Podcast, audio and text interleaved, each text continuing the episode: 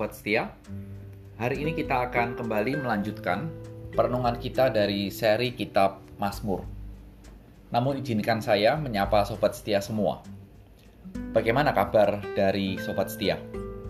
Rasanya ada yang isoman, ada yang kena tracing sehingga harus isoman juga dan saya yakin juga ada yang sehat. Biarlah apa yang Tuhan izinkan untuk kita alami boleh mendekatkan kita semakin dekat kepada Tuhan dan kita boleh saling menguatkan, mendoakan satu dengan yang lain. Saya memohon untuk bantuan doa dari sobat setia semua untuk adik dari nenek saya yang berusia 88 tahun dan saat ini dirawat di ICU RSAL Surabaya karena terpapar COVID. Biarlah Tuhan boleh menolong proses penyembuhannya. Dan bila ada pokok doa dari sobat setia semua, silahkan menginformasikan pada saya dan Jumat depan saya akan masukkan ke dalam episode kita. Mazmur 6 akan menjadi perenungan kita dan tema kita hari ini adalah Tuhan berapa lama lagi?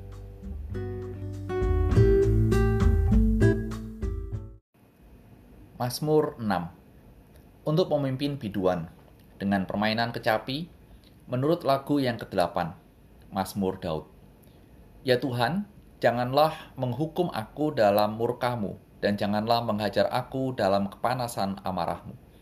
Kasihanilah aku, Tuhan, sebab aku merana. Sembuhkanlah aku, Tuhan, sebab tulang-tulangku gemetar. Jiwaku pun sangat terkejut, tetapi Engkau, Tuhan, berapa lama lagi? Kembalilah pula, Tuhan, luputkanlah jiwaku, selamatkanlah aku oleh karena kasih setiamu. Sebab di dalam maut tidaklah orang ingat kepadamu. Siapakah yang akan bersyukur kepadamu di dalam dunia orang mati? Lesu aku karena mengeluh. Setiap malam aku menggenangi tempat tidurku dengan air mataku, aku membanjiri ranjangku. Mataku mengidap karena sakit hati, rabun karena semua lawanku. Menjauhlah daripadaku kamu sekalian yang melakukan kejahatan. Sebab Tuhan telah mendengar tangisku. Tuhan telah mendengar permohonanku Tuhan menerima doaku. Semua musuhku mendapat malu dan sangat terkejut. Mereka mundur dan mendapat malu dalam sekejap mata.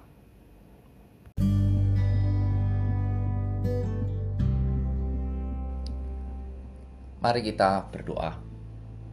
Tuhan Yesus Allah yang kekal, singkapkan kebenaran firman Tuhan bagi kami, sehingga hidup kami yang mengalami kesulitan tetap boleh melihat kasih setia Tuhan di dalam hidup ini. Demi Kristus, amin.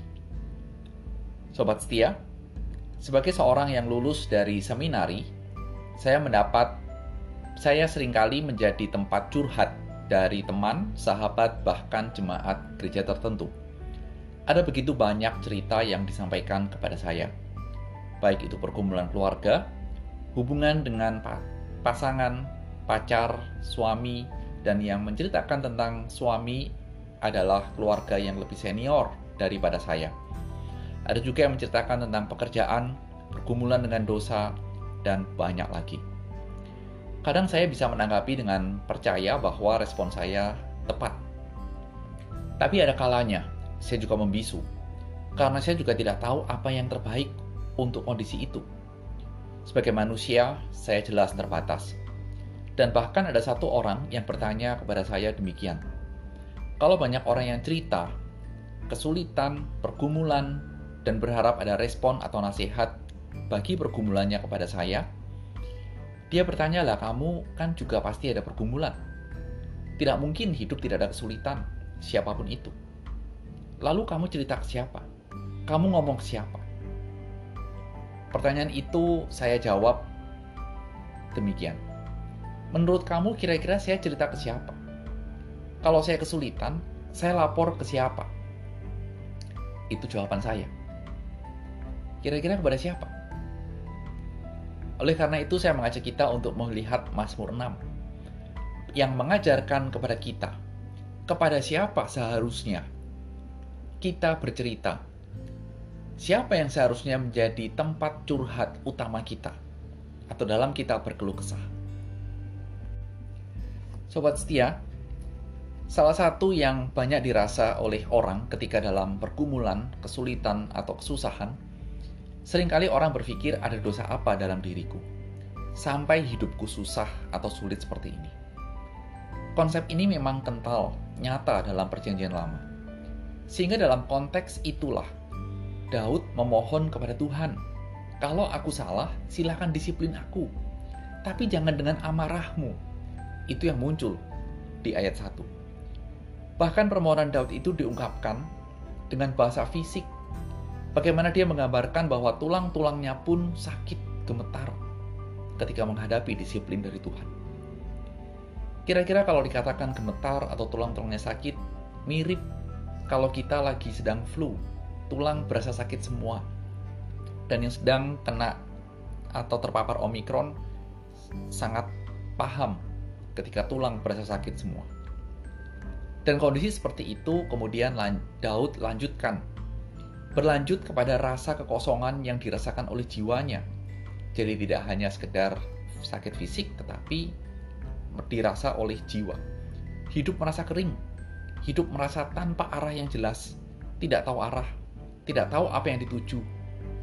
Seringkali dalam hidup seperti itu, kita berharap hidup maunya happy-happy. Tapi happy-happy dari dunia itu pun hanya bisa kita rasakan atau nikmati sekian jam bisa satu jam, dua jam, tiga jam, dan setelah itu balik lagi ke dalam realita kehidupan yang harus dihadapi. Bergumul lagi, berasa hampa lagi, dan seterusnya. Sehingga dengan seluruh rasa yang bercampur aduk, akhirnya Daud bertanya, berkata kepada Tuhan, Tuhan, berapa lama lagi? Dan itulah yang menjadi tema kita. Satu seruan yang dekat dengan hidup kita satu seruan yang sepertinya mewakili seruan kita kepada Tuhan. Orang Jawa bilang, Tuhan kok suwi banget. Tuhan kok nggak cepet-cepet nolong sih.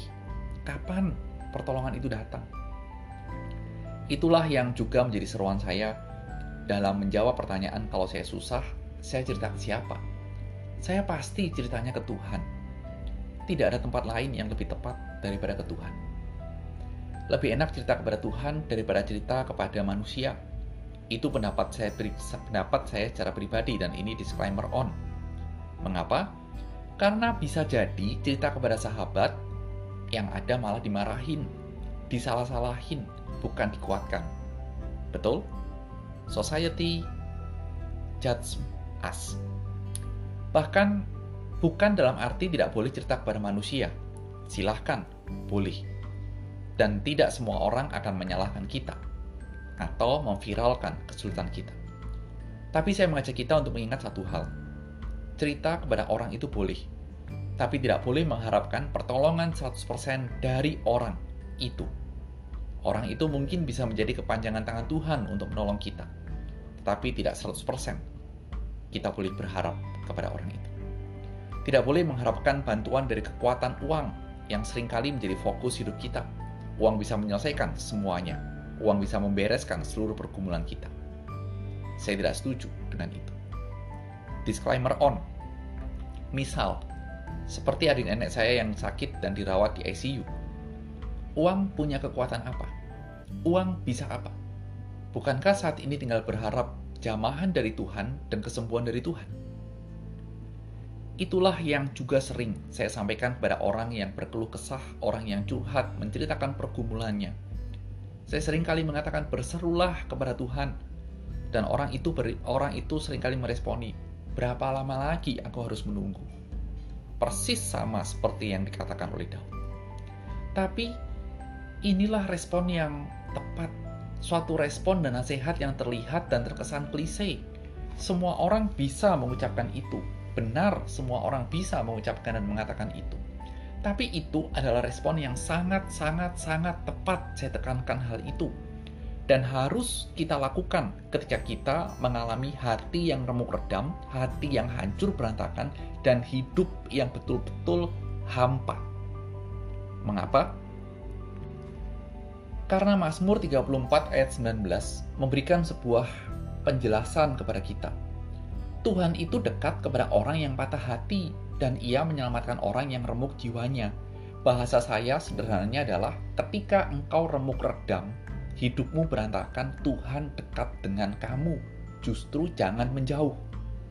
Itu kalimatku. Kalimat yang sama diucapkan oleh Tuhan Yesus. Marilah kepadaku semua yang letih lesu dan berbeban berat. Beban beratmu seberat apa? Datanglah kepada Tuhan, karena Alkitab mengatakan Tuhan akan memberikan kelegaan kepadamu. Alkitab mengajarkan ketika kita susah, kita merasa hidup hancur berantakan. Tempat yang tepat berkeluh kesah adalah Tuhan. Tuhan bukan saja tempat yang tepat untuk kita bercerita. Seringkali kita bertanya, kenapa mesti Tuhan? Daud memberikan sebuah jawaban bahwa Tuhan itu adalah Tuhan yang penuh kasih setia. Cari dalam Mazmur 6 itu muncul di ayat mana. Tidak ada yang melebihi kasih setia Tuhan kepada kita. Kekasihmu bisa mengkhianatimu, sahabatmu bisa menikungmu, orang yang kau percaya bisa berlaku busuk di belakangmu. Tapi itu tidak berlaku dengan Tuhan Yesus. Sobat setia, kalau saat ini hidupmu berantakan, hidupmu hampa, hidupmu kosong, izinkan saya mendoakan kalian yang berbeban berat. Biarlah Tuhan memberikan kelegaan dalam hidupmu. Dan lihatlah, rasakanlah kasih setia Tuhan atas hidupmu yang selalu Tuhan nyatakan baru tiap pagi. Tuhan, tiliklah setiap hati dari setiap pendengar podcast ini dan berikan kelegaan dalam hidup mereka. Karena engkaulah Allah yang tidak pernah mengabaikan permohonan kami Dengar doa kami ya Tuhan, dan terima kasih Tuhan. Dalam nama anakmu Tuhan Yesus Kristus, kami alaskan doa ini. Amin. Selamat berakhir pekan, dan Tuhan melindungi kita semuanya.